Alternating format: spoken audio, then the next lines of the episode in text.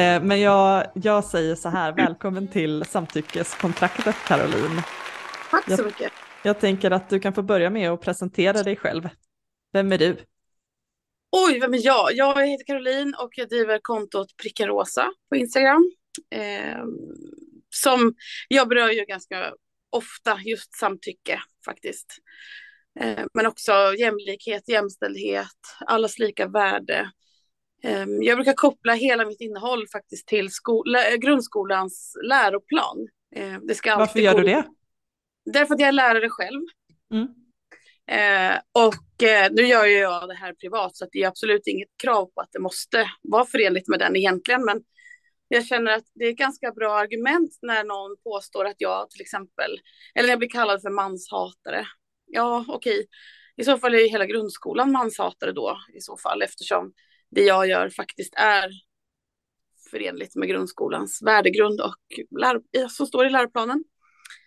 Eh, så det känns liksom eh, bra att hålla sig inom det. Det känns som att mitt innehåll blir mycket mindre hotfullt och mycket mindre farligt, om du förstår vad jag menar. för dem som... Mm, det är någonting som alla kan relatera till och det, det, liksom, det har någon styrka i sig också. Mm. Man grundar det i någonting som har en djupare innebörd än bara en persons åsikter eller vad man ska säga. Ja men precis, och att liksom, det jag förmedlar med kontot handlar inte om att jag vill att alla män i världen ska dö, som en del verkar tro, utan det handlar bara om grundläggande mänskliga rättigheter som vi lär ut ända från förskolan egentligen. Förskolan har lite annan läroplan, men eh, ja, grundskolan då. Från förskoleklass till årskurs 9 ska vi förmedla de här värdena. Liksom. Och då är det ganska sorgligt att det fortfarande är så många som inte har fått med sig dem in i vuxenlivet sen. Så att, mm. ja, jag lutar mig lite mot det, för jag tycker att det är en rätt skön ingång. Liksom. Och det skapar också väldigt mera, vad ska man säga, eh, alltså det skapar samtal med andra förutsättningar än just det här, ja du är feminist, för säger man att man är feminist, då blir det direkt det här liksom lite taggarna utåt och någon blir lite kränkt och hej och hå. Men när man liksom hänvisar till att ja, men det här är faktiskt så enkelt så att det, det står i grundskolans läroplan. Jaha, va? Gör det? Oj, ja, då blir det liksom en helt annan förståelse på något sätt. Och det är ju skitlarvigt egentligen att man ens ska behöva anpassa tonen för att ingen ska bli kränkt över att mm. man faktiskt tycker att kvinnor ska ha samma rättigheter och möjligheter som män. Men nu är det så. Och jag kör på det. Mm. Mm. Och du bor någonstans i Sverige, i Stockholm, ja. med ja. Eh, familj och, och hund sa du att du hade också. Yes, jag bor med mina två barn, deras pappa och våran hund. Mm. Vad har du för hund? Det är en liten schipperk, en liten svart eh, belgisk skeppshund kallas de också. Jättegullig. Mm -hmm. Okej, okay. mm. så om vi hör någonting som skäller i bakgrunden så skulle det kunna vara han? Förhoppningsvis är det han, annars är det barnens pappa som Ja, men ja, det kan också kanske krafsa lite på dörren och det är inte heller barnens pappa tror jag, utan det är hunden. Ja, vi, vi spelar in så här på kvälls, eh, sena, vad heter det, in på småtimmarna för, för mig som är småbarnsförälder. Så här, läggdags, eh, passerat läggdags, nu är man lite extra. Lite lätt road kanske. Ja, ja men precis. Um, Ja, och jag sa det när, när vi eh, liksom såg varandra att oj, nu, nu lös liksom skärmen upp av bara rosa när jag såg dig. Nu antar jag liksom så här, rosa är din favoritfärg typ. Ja, men det är faktiskt det. Eh, och det har typ alltid varit det också. Och det har varit eh, en resa kan man säga bara det, för att det har ju inte alltid varit trendigt med rosa. Jag var typ retad i slutet på 90-talet. Alla bara, för då skulle man typ ha svart, i alla fall de jag umgicks med, sen har jag inte koll på modet överlag, men de var så här, oh, hur kan du rosa på dig? Jag bara, mm, älskar rosa, det passar min aura, eller vad man nu sa. Uh, och så har jag liksom bara fastnat i det, och jag älskar det, jag älskar verkligen rosa, så att, uh, jag kör på. Jag blir glad. Men symboliserar den någonting, eller har den någon typ så här djupare innebörd mer än att det bara är en fin färg? nej det är bara en fin färg och jag blir glad av den. Och jag har liksom fått väldigt många fina minnen av den. Typ när jag bodde i min första lägenhet, jag flyttade hemifrån ganska tidigt. Eh, jag gick på gymnasiet då och så målade jag om, det var en sån här vindsvåning med jättefina burspråk och liksom så gammalt stuk. Eh, och då målade jag om hela vardagsrummet knallrosa, alltså typ den här. Eh, och folk bara så här, gud du är inte klok i huvudet. Men sen när folk kom in så bara, shit det blev ju faktiskt bra. Och min gammelmormor, hon var ju alltså 80 eller någonting, mm. hon var rätt gammal. Och jag var helt säker på att hon inte skulle uppskatta det, men när hon kom in så var Åh, vad fint! Det var, riktigt trevs, trivsamt. Eller något sånt sa hon. Jag bara, mm.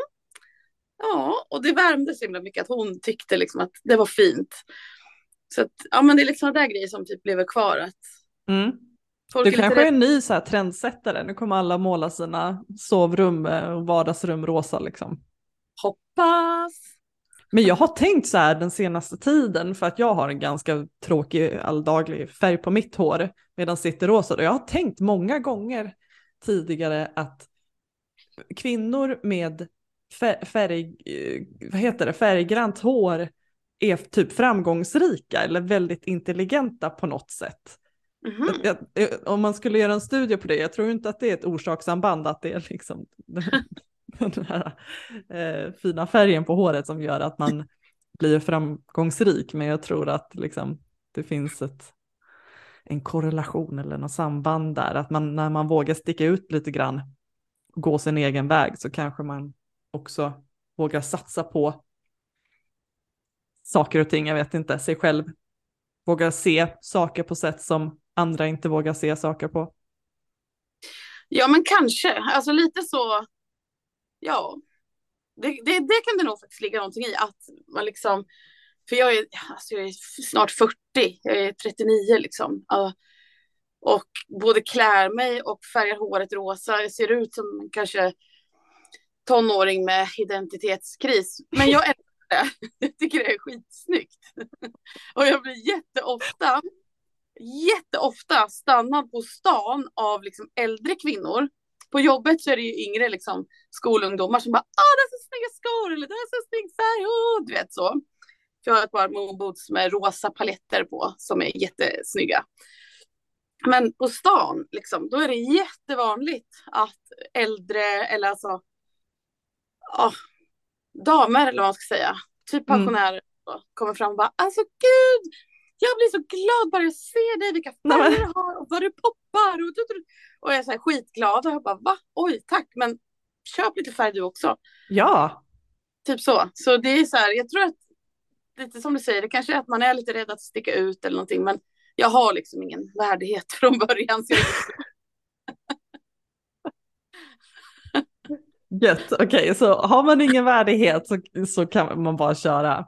Men om man funderar på att liksom funderar på att färga håret grönt eller regnbågsfärgat eller whatever liksom. Hur ska man resonera? Ska man tänka, ja men jag testar att färga bara topparna eller ska man bara köra all in? All in, alltså vadå, varför ska man hålla på och tänka så himla mycket? När det gäller hårfärg, det är så här, ja, jag har liksom gjort det själv, det är inte speciellt jämnt. Va? Men det är så här, ja det är en hårfärg, tycker jag att det är snyggt? Ja det tycker jag, vi kör på det. Och är det så att man inte är nöjd, gå till Åhléns, köp brunt, svart, vad du nu vill ha och så slänger du i det så är det över sen. Liksom. Det är inte så att man ska typ hugga av sig ögonbrynen och sy dit, eh, jag vet inte, klövar istället som är återkalleligt. Det är en ganska enkel grej, så här, färga håret, kör. Alltså man måste bara våga så. Ja, men jag känner mig inspirerad. Du är så jäkla snygg liksom med ditt, det är ju mm. verkligen så här skrik, skrikrosa. Det är ju inte någon så här mesig, gammel, liksom sotaktig rosa. Så jag är förvånad att du har lyckats få till det där själv ens. Ja. Du måste, du måste ha haft liksom platina blont innan, tänker jag. Jag har faktiskt mina resurser här eftersom jag ändå sitter i badrummet. Jag kör den här. Den är skitmild. Eh, det är så här eh, någon blonderingskräm. Alltså den luktar inte ens. Jag har kört med vanlig blondering som så bränner av håret också. Men den här tycker jag är bättre. Nutris sen... Cream hette den. Ja, Nutris Cream. Sen är det inte alltid jag kör samma färg, men ljus i alla fall. Och sen så kör jag den här Shocking, nej oj så ska den vara. Live, Schwarzkopf, Live, uh, Shocking Pink eller vad den heter. Ja. Och så bara kräma i ett par tuber och sen eh, har jag i och för sig den här också. Ska vi se. Det blir en eh, house tour. Ja, verkligen. Den, färgbomben. Så att, Vad heter den? Maria Nilla, eh, Pink Ja. Pop. Pink pink Pop. pop. Pink pop. Eh, kan så typ göra den- som alla YouTubers så eh, links in the description eller vad de alla vad de Ja. säger. Ja, det skulle jag aldrig få till. Jag vet inte hur man gör det, men mm. Nej, jag kan, jag kan fixa det. Gud, det var verkligen så här off topic, men det var väldigt roligt. Ja. Nu känner jag att eh, jag själv vill eh, göra någonting åt mitt hår. Ja, men Ehm. kör. Jag gjorde faktiskt, första gången jag hade rosa hår, då hade jag väldigt långt hår. Så då körde jag bara liksom topparna, kanske två decimeter eller någonting. Mm. Eh, och redan när jag kom hem, då var jag hos en frisör som gjorde det. Och redan när jag kom hem bara, fan vad larvigt att bara köra topparna. Nu kör vi hela håret. Så då färgade jag om liksom hela håret själv. Och på den vägen är det. Ja, det är lite så jag jobbar. Det finns liksom, det är antingen eller, inget här mittemellan. Utan, Nej, men samma här. Samma här. Antingen så gör man det ordentligt eller inte alls. ja, precis Mm. så.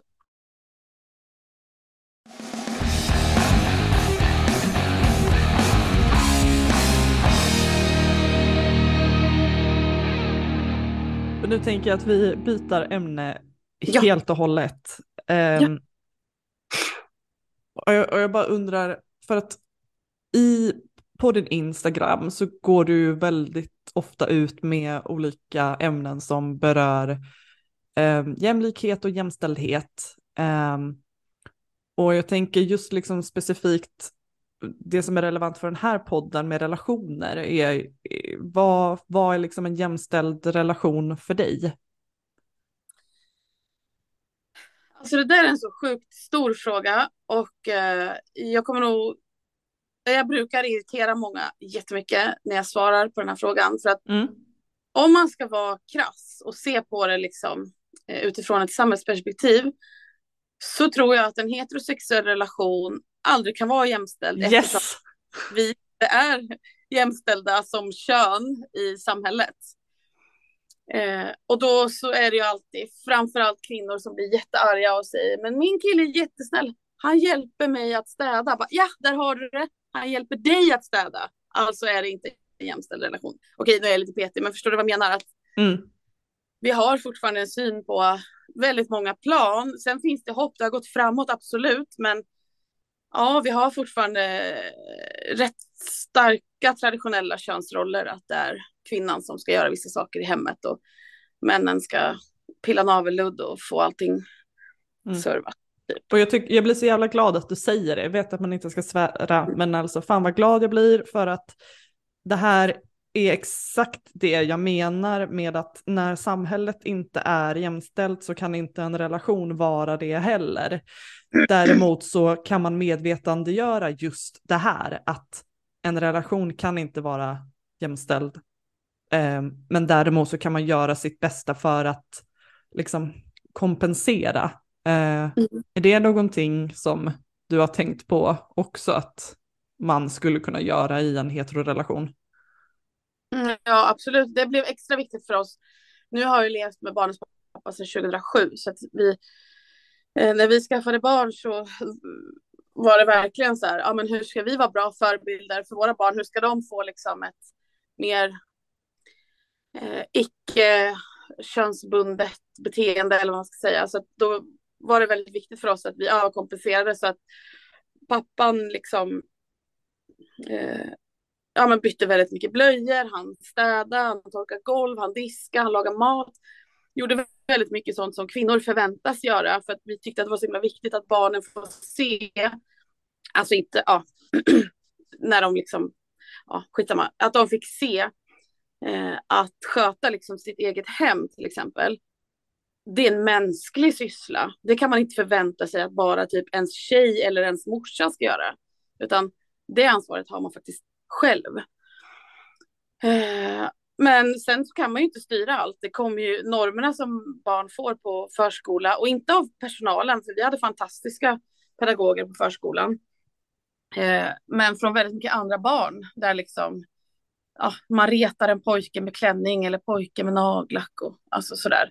Ja, då sitter man ju där sen liksom att jaha, har det vi, det vi gör, är det bortkastat? Nej, det är det inte, för de har fortfarande fått, alltså det är ändå hemmet som sätter grunden. Eh, och ja, sen är vi ju, är vi ju också olika.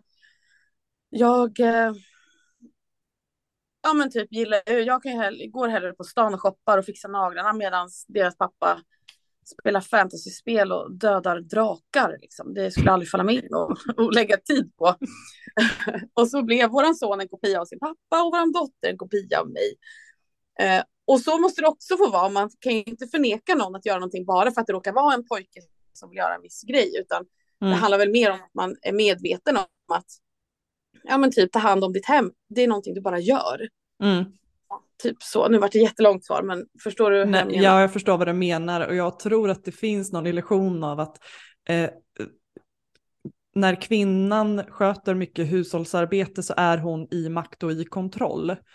Mm. Um, jag minns när jag gick i ettan, grundskolan, och jag var väl, vad är man då, sex år typ. Um, mm. Och så frågade läraren hela klassen, vem är det som bestämmer där hemma?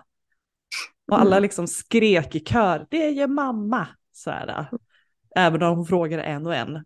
Ja men Erik, vad säger du? Jo men det är mamma. Och så frågade hon även mig, lärarinnan då. Och jag sa, jo men det är mamma som bestämmer och så är det ju liksom. Mm. Um, men, men i verkligheten så är det makt. Är det kontroll? Jag tror ju kanske att det ger en känsla av kontroll, men det är ju också ett obetalt arbete som inte uppmärksammas. Mm. Och, och, jag tror att kanske många som lyssnar på det här tänker att jaha, okej, okay, men om en man sköter jättemycket av hushållsarbetet, ja men då ligger det ju på honom att både eh, vara the breadwinner, dra in liksom huvudinkomsten och sköta hushållsarbetet. Det är ju heller inte rättvist. Men så är det ju inte heller. Alltså de absolut flesta par har ju båda två eh, heltids, eh, heltidssysselsättningar. Det här eh, mm. i hushållet är ju bara extra. Ja men alltså man vet ju också att även i de familjer där kvinnan tjänar mest så är det fortfarande hon som tar ut mest vab och mest föräldraledighet. Mm. Så att, och det kan man kolla på Försäkringskassans hemsida. Det är inga hemliga siffror eller på utan det går plättlätt att kolla upp det. Eh, och det tycker jag också är en jätteviktig grej.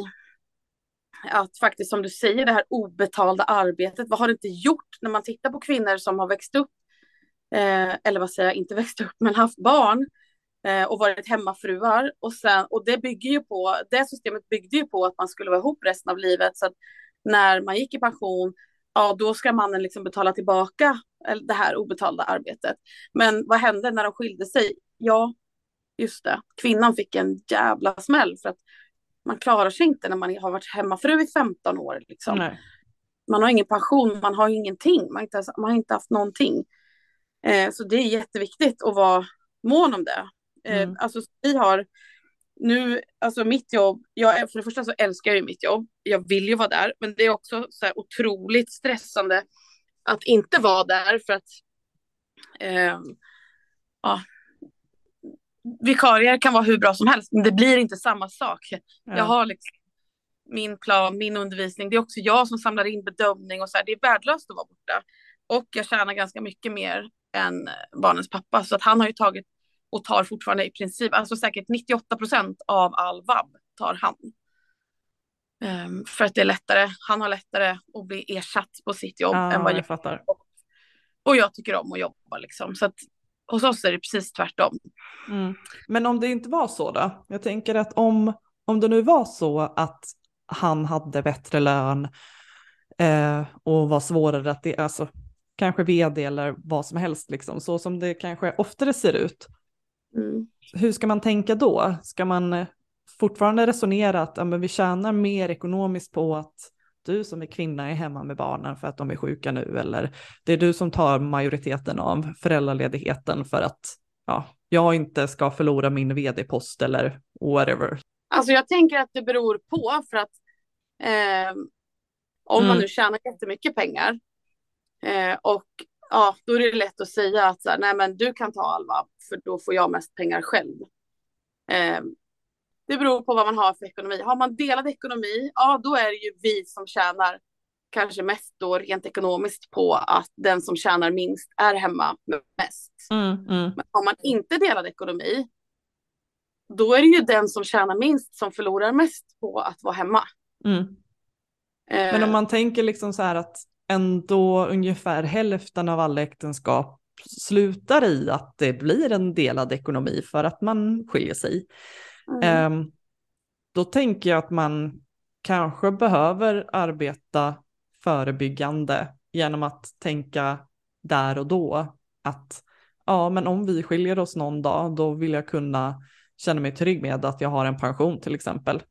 mm, Eh, Jag, jag tror att, jag, nu är inte jag ekonom på något sätt, men jag vet att det går att ehm, ha delad eh, pension, till exempel om den ena tar majoriteten av föräldraledigheten och sådär. Men möjligheten finns där och jag tror inte det är så många som vet att det överhuvudtaget går att ha en delad ekonomi, eller delad pension menar jag.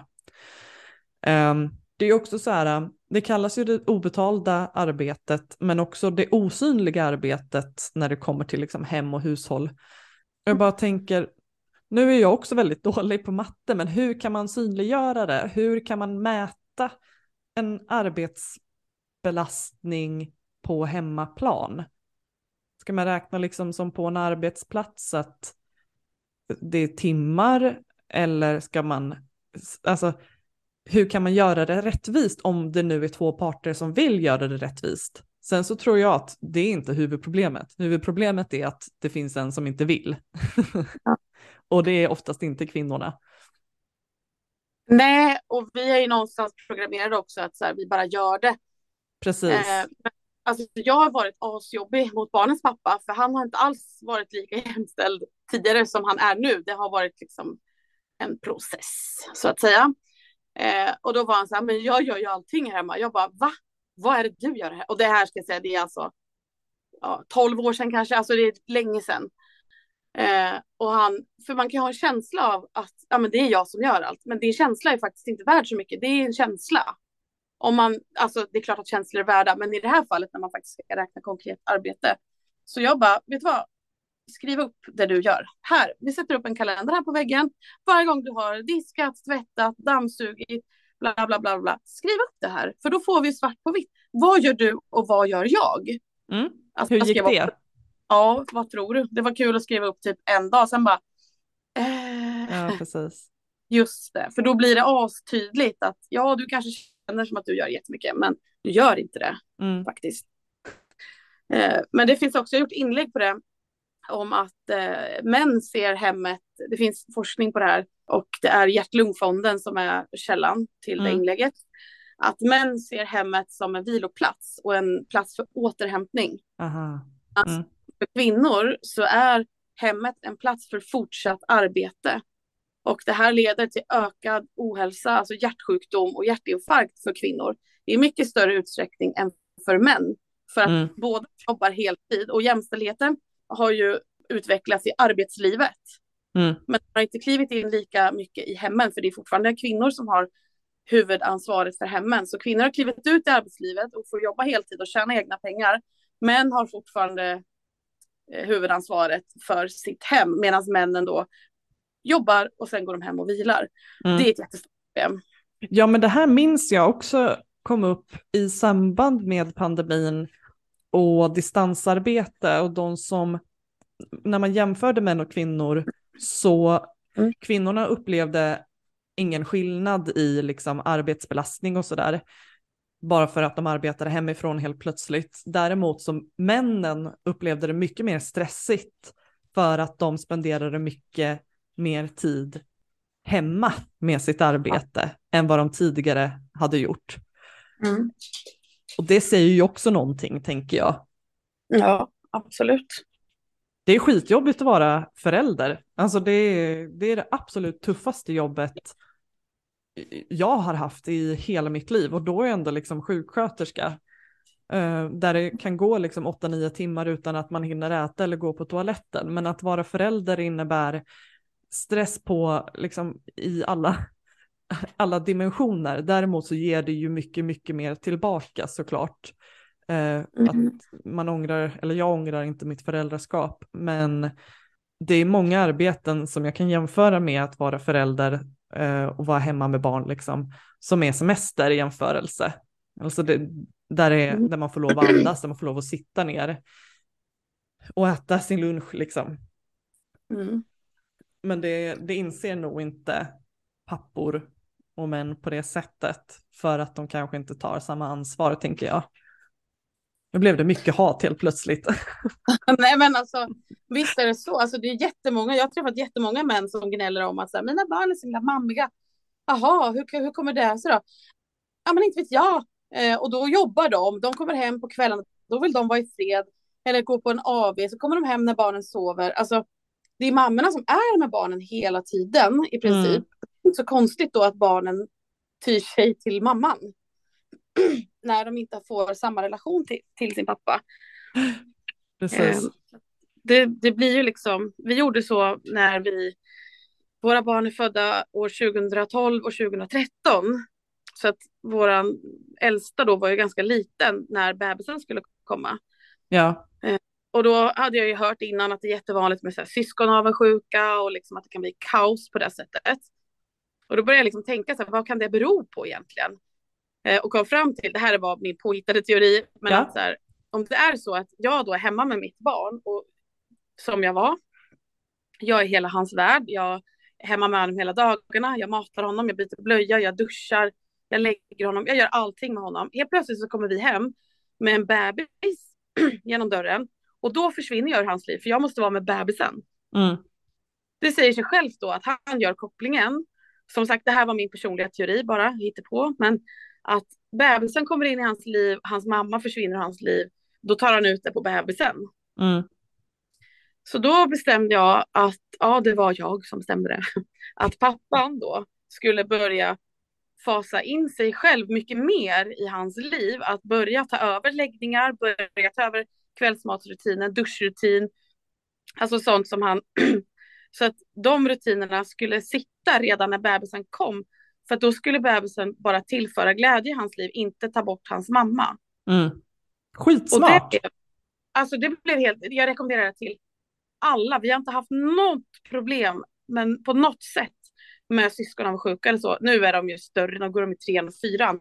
Det är klart att de bråkar och tjafsar, men den här avundsjukan och problemen, alltså vi hade inte det alls för att han hade sina rutiner. Han hade sin mamma, men han hade också pappa där vi visste att så här, här kommer jag var tvungen att vara med bebisen. Ja, men då var det redan naturligt att pappa tog honom så att det var skitbra faktiskt. Så att, alltså så här, släpp in. Nu finns det ju papper som kanske inte vill vara pappor, men de som vill vara och som kan vara, de måste ta sitt ansvar och se till att kliva in i sina barns liv, för då kommer barnen ty sig lika mycket till dem. Mm. Alltså det, mm. jag önskar att liksom alla dessa frånvarande pappor kunde se det jag har sett med äldre män i eh, vårdsammanhang som eh, det är många år man ska spendera som gammal. Ehm, och har du inga nära relationer vid den tidpunkten, nu låter det som ett hot, men, men det är verkligheten att det är så många år som vi inte arbetar och vi, om vi inte har våra nära relationer vid den tidpunkten, jag säger inte att det måste vara familj och att man skaffar barn, men när, ger man inte näring till de nära relationerna så kommer man spendera väldigt mycket tid ensam och det är långt ifrån alla som vill. Och det är så jäkla sorgligt att se. Eh, så ett tips till alla eh, män där ute som tänker att ah, men jag behöver inte investera i mina relationer för jag tänker bara på karriären. En dag så kommer din karriär vara slut och du mm. kanske sitter där med en god pension. Men den kommer inte fylla något syfte om du är ensam. Nej, verkligen. Nej, så är det absolut. Och även innan det, liksom, ens barn är bara små en gång. Och har man missat uppväxten, det är klart att det går att ta igen. Det är inte så, alltså, det finns alltid orsaker till att man missar saker och ting. Men om man kan vara närvarande, så var närvarande. För att alltså, jag har varit jättenärvarande. Och jag har tyckt att småbarnsåren var jättejobbiga och mm. jättetuffa mm. och intensiva och bara så här, ta mig härifrån ibland. Och nu sitter jag och bara, åh de var så gulliga när de var små, åh jag skulle göra vad som helst för att få uppleva det där kaoset igen. Men gud, alltså jag kan inte föreställa mig själv säga det om liksom 10 år eller 20 år, jag kan inte det. Nej, nej det kunde inte jag heller. Jag såg till och med en bebis idag och bara, gud vad söt, åh jag kanske skulle ta en till. Alltså nej, det finns inte på världskartan. Verkligen, jag är så färdig men. Man kan vara familjehem. Ja. Eller jourhem kan man också vara. Får man en bit av kakan. Ja, precis. Ja, det, nej, jag är, jag är så gammal och sliten. Alltså, även om jag inte är gammal, kanske egentligen rent åldersmässigt, så min kropp och min själ är, är jättegamla. Det var småbarnsåren, tog. Ungdomen ifrån dig. Ja. Mm. Nej men alltså, här, mitt barn är i en sån ålder där hon liksom hon kan så mycket, hon är så kapabel till allting, men hon fattar ingenting. Mm. Eh, hon fattar inte att liksom, det hon gör är livsfarligt, men hon är ändå i makt att kunna utföra det. Och man själv måste liksom springa efter och vara hennes hjärna lite grann. Och det är en stress, alltså det är en sån, uh, ja, mega stress. Men, men. men det, det, var det jag också hade så jävla svårt för med småbarnsåren, att så här, min roll här, det är bara att se till att det här, den här individen ska överleva yeah. dagen sen nästa dag och så nästa dag. Och, och jag bara så här, gud, det var liksom ingen mental stimulans i det. Jag missade Men sen nu när barnen är större och man kan umgås, man, jag måste fortfarande se till att de överlever givetvis, men när man liksom kan umgås med dem och så här, göra saker ihop och så här, du vet, alltså det är så kul.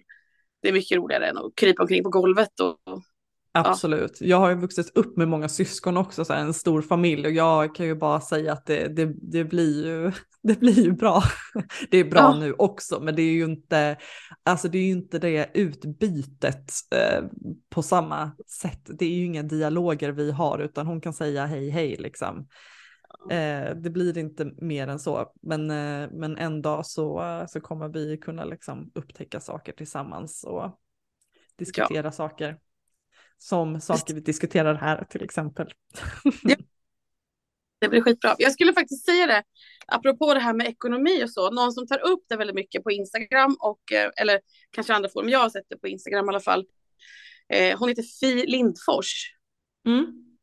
Hon eh, pratar mycket om det här med ekonomi, hur viktigt det är och Hanna Lantz också. Ja, henne, har, henne följer jag. Hon är jättebra också. Ja, de två har liksom eh, skitmycket bra kunskap i ämnet. Jag är inte så bra på ekonomi, men de två pratar väldigt mycket om det och så här, hur viktigt det är att oavsett man är skitkär och man tror att ja, man är safe och hit och dit, hur viktigt det ändå är att ha koll på sin ekonomi och ha ett eget kapital och liksom så.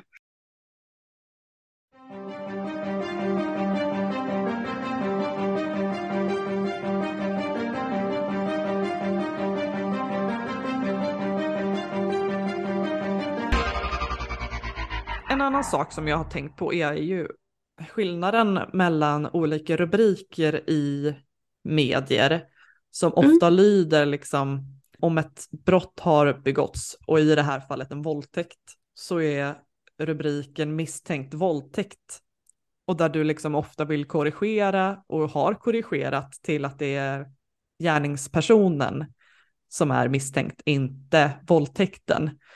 Tänker du att det finns någon skillnad mellan de två? Det finns det ju såklart, men alltså en ledande fråga. Men, eh, men, men varför vill du ändra på det så att det blir inom citationstecken rätt sådär? Ja, alltså jag vill bara börja med att säga att jag ska credda mina följare för jag har inte lyckats ändra några rubriker, eh, för jag blir ignorerad när jag mejlar till typ alla. Eh, utan följare som har liksom också sett det här, för jag, jag har bevakat det här ungefär ett och ett halvt år. Eh, och lagt upp och så får jag DM av följare som har mejlat och fått respons då. Eh, och så har de ändrat. Så det ska inte jag ha någon ära för alls, utan det är mina följare som har gjort det.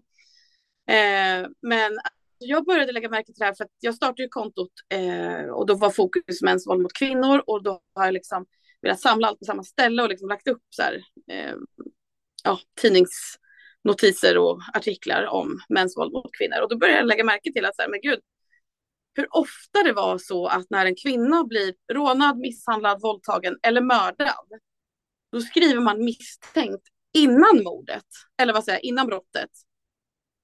Till exempel i april förra året när det var, var det inte åtta kvinnor som blev mördade på bara några veckor? Jo. Mm. Var det kvinna, hon blev ju mördad, eller två av de här kvinnorna eh, blev ju mördade inför ganska många vittnen. Där man då kunde på plats konstatera att det var en i Linköpings resecentrum som blev knivmördad av sin exman inför vittnen. Det benämndes från början som ett misstänkt grovt brott. Och då vet man redan där att hon har blivit knivhuggen av en man. Hon dog inte på plats, dog senare på sjukhus. Men ett misstänkt grovt brott, är det inte ganska tydligt att det har skett ett grovt brott här? Mm, mm. Men det var så kort där i tid så det fanns ingen som var åtalad. Kanske någon som var gripen liksom. Men jag antar ja, det att det var nära, nära i tid till att brottet skedde. Ja, så hade det varit en man så hade det ju stått man knivhuggen på centralstation till exempel. Mm. Eller överfallen med kniv eller någonting annat. Mm. Um, och det var likadant den andra. Hon blev, jag vet inte om hon blev ihjälslagen eller skjuten. Um, inför vittnen som berättar på plats och då stod det typ eh, om det var att det, jag, jag minns inte ordagrant nu hur det var formulerat, men det var typ så här bråk och misstänkt misshandel av, alltså du vet, något så här jättelustigt när det är så uppenbart, hon har blivit ihjälslagen här eller skjuten inför liksom vittnen som mm, har berättat. Mm. Och vad handlar en, allt det här om tror du? Det handlar om att eh, man misstänker, alltså misstänkliggör kvinnor som brottsoffer och när män har begått brott mot kvinnor så måste man ifrågasätta hennes trovärdighet. Mm. Och jag har fått de flesta som vänder sig emot det här säger att nej men vadå, det är misstänkt så länge ingen är dömd. Nej men vadå, och varför kan man då skriva när män råkar ut för samma sak, när de mördas, rånas eller misshandlas, då står det man misshandlad, man mördad eller liksom direkt. Um, då står det ingenting om att det är själva brottet som är misstänkt, att det har ägt rum. Sen är det klart att man inte kan skriva att en man är gripen för mord. Alltså, för han är ju inte dömd, så han måste, när det gäller gärningsmannen så måste det givetvis stå eh, att det är gärningsman som är misstänkt för brottet, misstänkt för mord, misstänkt för misshandel eller sådär. Det är inget problem med ordet misstänkt i sig, eh, utan problemet är att när det ett brott, en man utsätter en kvinna för ett brott, då står det alltid misstänkt före själva brottet. Och det mm. har jag lagt upp i min profil, så har jag två höjdpunkter. De heter misstänkt och misstänkt två. Där finns det mängder med exempel på hur media formulerar sig. Expressen har ändrat sig rejält. Jag har ingen aning, jag kan absolut inte säga att det beror på mig, men senaste halvåret tror jag, eh, någonstans där, eh, så har de i princip slutat skriva som de gjorde innan, utan då okay. skriver de att mm. brottet är rätt, men att det är en person som är misstänkt för brottet och även när det gäller kvinnor. Så jag tycker att det här är ett jättestort problem för att till exempel så pratar ju många män om att kvinnor falskanmäler män för våldtäkt. Ja, precis. När, eh, när media går ut och skriver då varje gång i princip en kvinna blir våldtagen så skriver man misstänkt våldtäkt. Då signalerar man ju att så här, ah, hon säger att hon blivit våldtagen, men det är ju inte säkert att hon mm. levde. Men när en man har blivit våldtäkt, det har också flera exempel på här, då står det man våldtagen, bla bla bla bla bla bla. Mm. Så att det är ett systematiskt ifrågasättande av kvinnor som råkar ut för brott och det leder till att kvinnor har svårare att bli trodda. Mm. Och det där har jag funderat rätt mycket på, just det här äh, ursäkten av att det, det skulle vara eh, så fruktansvärt många kvinnor som eh, ljuger eh, om sina våldtäkter. Det, alltså, jag tänker väl att det egentligen bara handlar om att man har ingen annan ursäkt. Mm. Vad, för vad, vad ska man säga annars? Alltså det är det enda försvaret man har att komma med i så fall. Mm. Att det är det det grundar sig i. Och hade man inte haft den ursäkten då hade det liksom hela ens fasad rasat på något sätt tänker jag. Men det gör det Ja. inte mer okej, alltså absolut inte. Jag bara liksom har funderat på var, varför är det så återkommande? Ja, absolut. Och det är ju, det är, alltså, frågan är ju så här, varför pratar ingen om att varenda man, det har nog kanske aldrig hänt, det kanske har hänt någon gång, men i princip aldrig, att en man som blir åtalad för våldtäkt har sagt ja, absolut, jag våldtog henne så hon sprack och ja, jag hotade henne med kniv. det är klart att jag gjorde det här, utan alla som är åtalade för våldtäkt säger ju, ja, precis som med alla andra brott, nej men jag är oskyldig, jag har inte gjort det här. Mm. Nej, var med på det eller så här, bla, bla. Varför pratar man inte om det? Att de som faktiskt, även de som blir dömda för våldtäkt ljuger ju Mm. när de säger nej, jag har inte gjort det här. Men kvinnor som då berättar att så här, jag har blivit våldtagen och då är det ju mörkertalet är ju enormt. En kvinna som berättar om att hon har blivit våldtagen ljuger förmodligen inte. För det Mm. krävs roligt mycket eh, för att orka berätta om en våldtäkt. Det har jag också lagt upp eh, inlägg om eh, vad forskning och så visar eh, och de, som har gjort ett, eh, det är några advokater som uttalar sig om det här och har gjort ett arbete kring så här, vad, vad är det egentligen, hur vanligt det är med falska anmälningar och det är så extremt ovanligt. Mm. Och de få falska anmälningar som faktiskt finns, då är det gärningsman okänd. Alltså så här, överfallsvåldtäkt till exempel eh, är vanligt att om man ljuger om våldtäkt, då är det en överfallsvåldtäkt. Så att ljuga om att man har blivit våldtagen och peka ut en gärningsman, Mm. det är högst osannolikt att det sker, för det är extremt ovanligt. Och jag tänker också så här, om man nu skulle vilja ljuga om någonting, varför skulle Mm. man då vilja ljuga om att man har blivit våldtagen när det är så extremt få som blir dömda?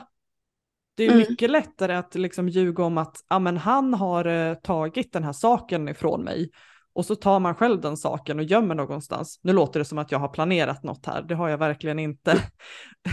men om man nu ska ljuga, varför ljuger man om någonting som aldrig leder till liksom en fällande dom? Det är ju väldigt ostrategiskt, tänker jag, om man vill sätta dit någon. Så det, det finns ju inte på några punkter överhuvudtaget som jag liksom köper det där.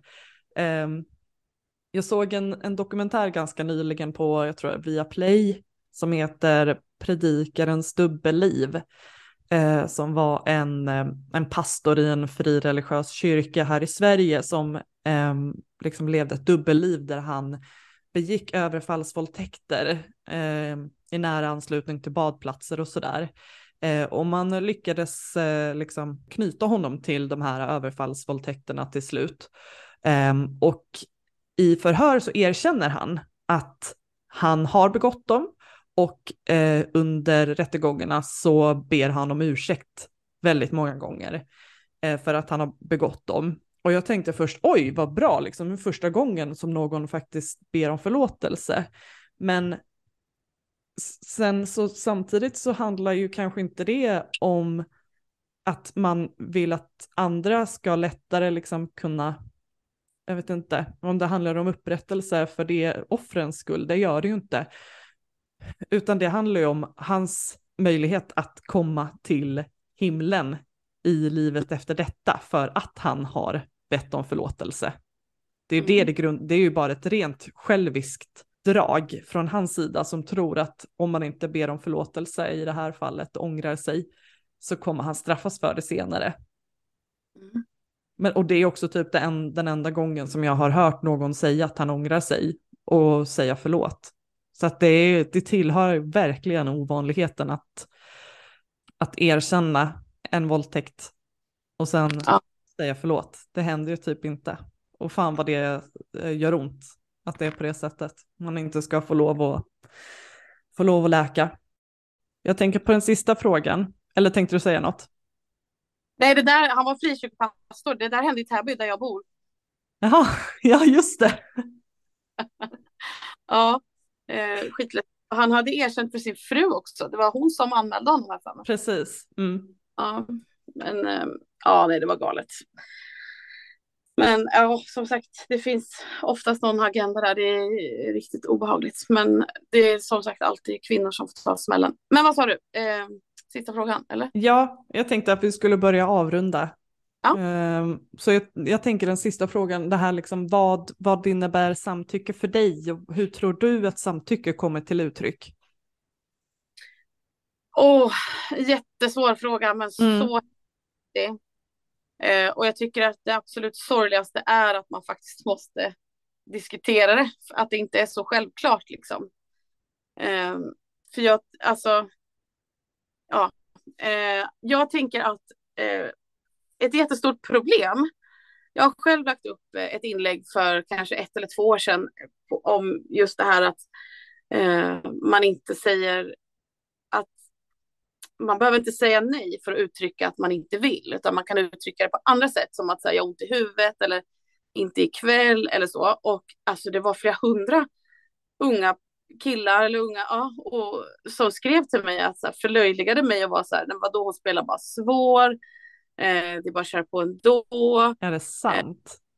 Alltså du vet, både kommentarer och DM, och jag, jag blev sjukt rädd och bara så här, men är det, här- är det det här flickor växer upp i idag? Det är ju liksom, det är inte klokt. Vart har det gått så här snett? Eh, och där, det, då, det fick liksom mig att reflektera och, och jag tror att även om jag relaterar till mig själv så är jag helt säker på att en våldtäkt jag var med om, han fattade inte att han våldtog mig. Han trodde att han hade samtycke. Eh, och jag tror att det är ett jättestort problem att män tror att typ om man går hem med någon från krogen, om man är tillsammans, om man är kompisar, alltså att det är så här massa faktorer som ger, alltså att de tror att de har samtycke redan, för vi känner ju varandra, eller vi gick hem från krogen. Så att redan i baren på liksom spybar klockan tre så har han samtycket för vad som ska hända halv sju på efterfesten sen. Mm. Man fattar inte att så här, ganska mycket kan hinna ändras. Att man kan dra, vilja dra sig ur när som helst. Mm. Eh, och det är ett jättestort problem. Och jag skulle säga att ett annat problem, man lägger väldigt mycket fokus vid tjejens roll här. Att tjejen måste uttrycka, nu med nya samtyckeslagstiftningen så har man vänt på det, men tidigare så har det varit så att så länge någon inte säger nej så är det bara att köra på. Alltså till och med när någon sov så blev det inte våldtäkt för att hon kunde inte uttrycka ett nej. Som Mm. att det liksom, alltså det är helt sjukt att vi hade den lagen så länge, men eh, man måste vända på det. Att hur ska en kille veta att en tjej vill? Mm. Det ska inte vara bara tjejens uppgift att uttrycka sig tillräckligt tydligt att hon inte vill. För att man kan ju bli så här, frozen fright, alltså man kan ju frysa, man kan... Det finns ganska mycket som gör att man inte vågar säga nej. För att som tjej vet man också att i en situation med en man så kan det bli farligt. Mm. Det kan vara farligt att säga nej och därför kan man vara rädd att göra det och så gör man någonting som man inte vill. Så att, typ, eh, jag var med min kille en gång, det var jättelänge sedan. Eh, jag och en kompis skulle sova över hos honom. Eh, och så låg vi, jag var fullt påklädd och låg i hans dubbelsäng vid honom. Och han försöker så här knäppa upp mina byxor och vet, jag lägger mig på mage, jag rullar runt, jag flyttar mig. Alltså jag visade ju sjukt tydligt att jag vill inte, vad du än försöker med så vill inte jag det. Och han flyttar närmare och han liksom bara skiter i de signalerna. Och sen till slut så väckte jag min kompis och så gick vi hem. Så det hände liksom aldrig någonting mer än så. Men just den grejen att som kille du måste veta att om en tjej flyttar ifrån dig så Mm. är det ett. Det är inte ett samtycke. Jag var på dejt för några år sedan bara med en vuxen man som är äldre än mig som blev närgången. Och jag flyttar typ en halv meter, vi satt bredvid varandra på en soffa, eh, ja, i en soffa. Och han flyttar efter också. Det är ganska vanligt att man flyttar för att skapa lite distans. Och människan av hankön flyttar efter. Mm. Redan där behöver vi stanna upp och bara, om någon skapar avstånd till dig så är det ett stopp. Mm. Inte liksom välkommen att flytta efter, utan så här, nej. Ja, förlåt. Och det bara slog mig nu liksom, när vi satt och diskuterade det här att ehm, i förra avsnittet med eh, Henrik Wahlström så berättade han ju att liksom i grabbgäng så kommer det ofta upp att eh, män inte vill ställa frågan om en tjej eller ja, annan man vill för att typ döda stämningen. Ehm, och det bara slog mig nu att nej men, ställer man inte den frågan så har du potentiellt begått ett brott. Alltså om vi bara bortser från den här risken att du potentiellt våldtar någon Eh, därigenom så den nya lagen som inte är jätteny längre, men samtyckeslagen säger ju liksom att du, du måste försäkra dig att du har fått samtycke på ett eller annat sätt. Så ställer du inte frågan så kan det vara, ja, då, då kan det handla om ett lagbrott. Och jag tänker också det här du berättar om att det var så många killar som hörde av sig till dig när du sa det att, eh, vad var det du sa nu igen, att eh, om man har huvudvärk så eh, inte det tillräckligt, alltså då betyder det att hon fortfarande vill typ. Att hon, det är bara för att hon försöker spela svår, sådär. Ja.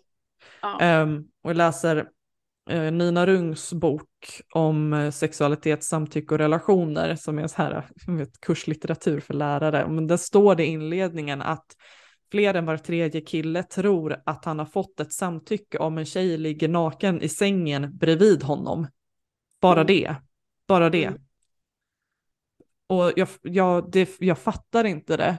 Och där tror jag mycket handlar om att man värderar sin manlighet på något sätt mycket, mycket högre än en annan människas integritet, rättigheter, behov, eh, men värde liksom. Man mm. sätter sig själv högst för att det på något sätt är liksom sjukt nog det är maskulint att ta för sig. Men ännu en gång, mm. alltså vi vill inte att man bara tar för sig, vi vill få frågan och för några, inklusive mig själv, så kan det där nejet sitta väldigt långt inne. Och då har du ett ansvar att fråga. Punkt. jo men också så här, alltså bara lite vanlig typ läsa av läget. Alltså en annan grej som en kille verkligen ska se som ett stopp, det är om tjejen bara fryser, som jag sa. Att om man helt plötsligt bara blir stilla och inte ger någon respons, då är det också ett nej. Mm. Det är jättetydligt. Hon vill inte mer, men hon vågar inte säga nej. Backa liksom. Alltså, Ja, och där förstår jag liksom, alltså jag, vi, vi, är ju intelligenta varelser. Vi kan läsa av nya situationer och vi kan till, ta till oss ny information på många komplexa sätt. Um, mm. men, men på något sätt så kan jag tänka mig att om en kvinnas roll i de så här sexuella sammanhangen är att vara passiv, att det kan vara svårare att veta. Och ännu en gång, då är det så jäkla viktigt att fråga, är du väldigt stilla just nu för att du inte vill? Eller är det för att du inte vet vad du ska göra? Typ. Mm. Eller ännu, om man nu tycker att det är jobbigt att ställa frågan, säg, vill du ta en paus? Eller så här, vill du ha något att dricka? Eller, ja, det kanske är skitstelt att ställa den frågan. Men att, att man, typ så här, vill du att vi väntar lite? Går jag för fort fram? Alltså att man kan ställa ganska fredliga frågor liksom också mm. för att mm. checka av.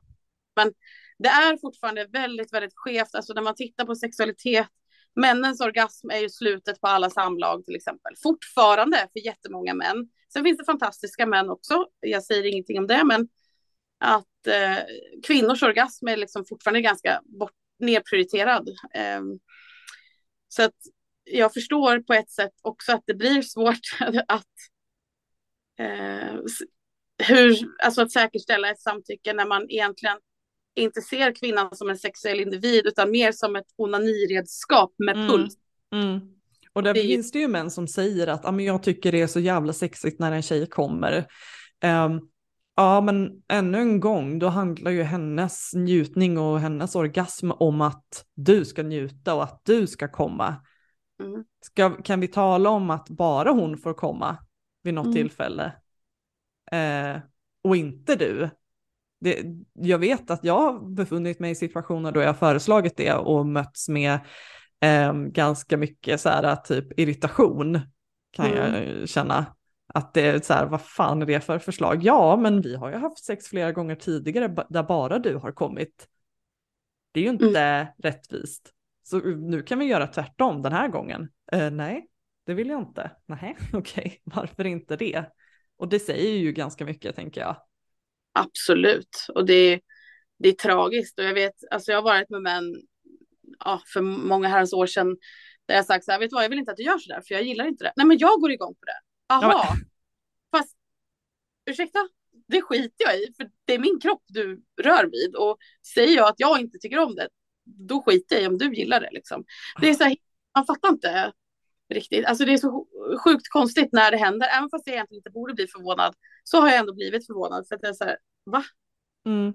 Och det är verkligen det här onaniredskap med puls. Det känner jag, har jag känt jättemånga gånger att jag har varit. Och det är ganska Vad äckligt. Ja. Ja, Jag, jag kan höra liksom många kvinnor säga, typ så här, speciellt kanske lite äldre generationen, att ah, men, män de är så jävla korkade och de är så dumma. Men det är de fan inte. Vi är alla lik, det, det är ju högst individuellt liksom hur många IQ man har. Det är ju inte könsbestämt på något sätt och genom att säga att män är lågintelligenta är ju som att säga att liksom, man tar ansvaret ifrån dem på något sätt, att då blir det på något sätt mer okej okay att bete sig på det sättet. Men det är det absolut inte. Det finns ingen man som jag tycker är, är särskilt eh, man kan låtsas vara korkad, man, sådär. Man, man kan eh, eh liksom försöka leva upp till, jaha, nej men jag fattade inte att du ville ha en födelsedagspresent. Eh, jo, alltså det är ju bara basic eh, empati och omtanke det handlar om. Men du är ju intelligent nog att lära dig att man, ja, man både vill komma, både vill ha födelsedagspresenter. Alltså jag skulle ju kunna göra, prata om det här 12 timmar om dygnet resten av ändå inte känner mig färdig. Så är det ju. Men alltså. Samma här. Jag, vad sa du? Samma här. Ja, alltså, men det jag är så himla, himla glad och tacksam för, det är att alltså, jag har haft så, visst, det är klart att det kommer idioter också, men de är rätt få faktiskt för tillfället, tack och lov. Men däremot så har jag haft riktigt många och har fortfarande väldigt många män som läser. Någon kan bli provocerad men slänger iväg ett DM och bara, det verkar ändå som att man kan prata med dig. Vad fan menar du med det här? Och så svarar jag och så har vi ett samtal och så börjar de följa och så går det ett tag och så bara, ah, vet du vad, du har fått mig att inse att eh, jag är inte alls jämställd i min relation. Vad ska jag göra för min partner? Jag känner mig värdelös. Men du vet, alltså jag har så många män som faktiskt på riktigt har så här velat inse att det är någonting här som skaver och liksom börjat jobba lite med det och, och snacka med grabbarna på jobbet amen, och sådär. Och det ger mig så otroligt mycket hopp alltså att de ändå kan ta till sig det jag skriver. Och jag försöker verkligen att inte skriva aggressivt eller liksom på något sätt. Sen ville såklart väldigt få feltolka ändå, men mm. eh, Ja, för det var, det var det jag tänkte fråga, liksom, vad är det som gör att män skriver och säger det verkar ändå som man kan prata med dig. Är det just det här att det, den aggressiva tonen inte är lika närvarande i dina inlägg typ? Eller alltså, vad tror du själv? Att så här, det är många som skriver så här, du verkar inte vara som de andra feministerna. Bara för att det där är liksom inte en komplimang. Jag är ja. Och jag vill, det finns, ja. Men alltså, ja, jag tror att ja, de känner sig på något sätt inkluderande, även fast jag skriver, jag använder ordet män eftersom det är man i plural. Det betyder inte alla män i världen. Det betyder bara fler än en man. Mm. Eh, och att de liksom på något sätt kan ta till sig jag har alltid varit liksom mån om att vara inkluderande. Och sen det är klart att jag har fått jättemycket kritik av det för att man ska inte behöva dalta med män. Nej, det ska man inte behöva. Men just nu känner jag att jag vill det, för jag vill ha med dem. Jag vill mm. inte jobba med dem, jag orkar inte det. Utan jag tycker det är bättre att man faktiskt får dem att förstå. Och ja, och sen om det är att dalta eller vad, vad det nu kallas, so be it. Jag mm. tycker att det känns rätt för mig. Vad innebär det här att, att dalta? tänker du? Jag menar, en del vill ju till exempel säga så här, jo men jag hatar män. Därför att eh, jag kan inte säga att jag hatar män. Jag hatar mycket som olika män gör mot kvinnor, absolut. Men jag har valt att inte låta hatet ta över utan att jag vill sprida liksom hopp och ljus. Jag vill belysa svåra frågor men ändå mm. på ett pedagogiskt och tydligt sätt. Eh, och det ska vara lätt att ta till sig mitt innehåll för jag vill, jag vill inte bara hata män. Jag vill skapa, alltså bidra till förändring och en bättre värld. Och jag är säker på att hat har aldrig lett till något bra överhuvudtaget. Så det är många som tycker att jag daltar med män för att jag inte är liksom tuffare. Mm, mm. Jag tänker ju liksom mycket med den här podden handlar om att angripa strukturerna för att om det bara handlade om vissa individer så hade, hade vi inte suttit här. Då hade äh, problemet varit superenkelt att lösa. Ja okej, okay, men det är han och han som bidrar till alla de här problemen. Men det här gäller ju alla. Eh, mm. Och det är strukturerna som vi måste synliggöra. Och att det finns ingen som vinner på dem egentligen. Sen så kan jag väl säga att kvinnor förlorar eh, allra mest på eh, att det är patriarkat till exempel. Mm. Um, men att alla vinner på det. Men jag tänker här som lite slutkläm då kanske, ja. att jag otroligt lätt för, alltid när man pratar om svåra strukturella frågor, som till exempel det här med samtycke och ojämlikhet och allting sånt. Det är så himla lätt att distansera sig och försöka frisäga sig sitt eget ansvar, frånsäga sig, säger man. Ja. Eh, genom att försöka dela upp sig, alltså mänskligheten i vi och dem. Att så här, eh, vi har väl hört det kanske, att så här, ja, men det är inte vi i Sverige som har problem det är ett importerat problem. Det är de andra som kommer hit med sin dåliga kvinnosyn. Ja, fast det är ju typ det största, den största lögnen. Det finns otroligt mycket som inte är jämställt i Sverige. Det finns otroligt dålig kvinnosyn hos jättemånga män i Sverige som är födda här och uppvuxna här med liksom svenska värderingar.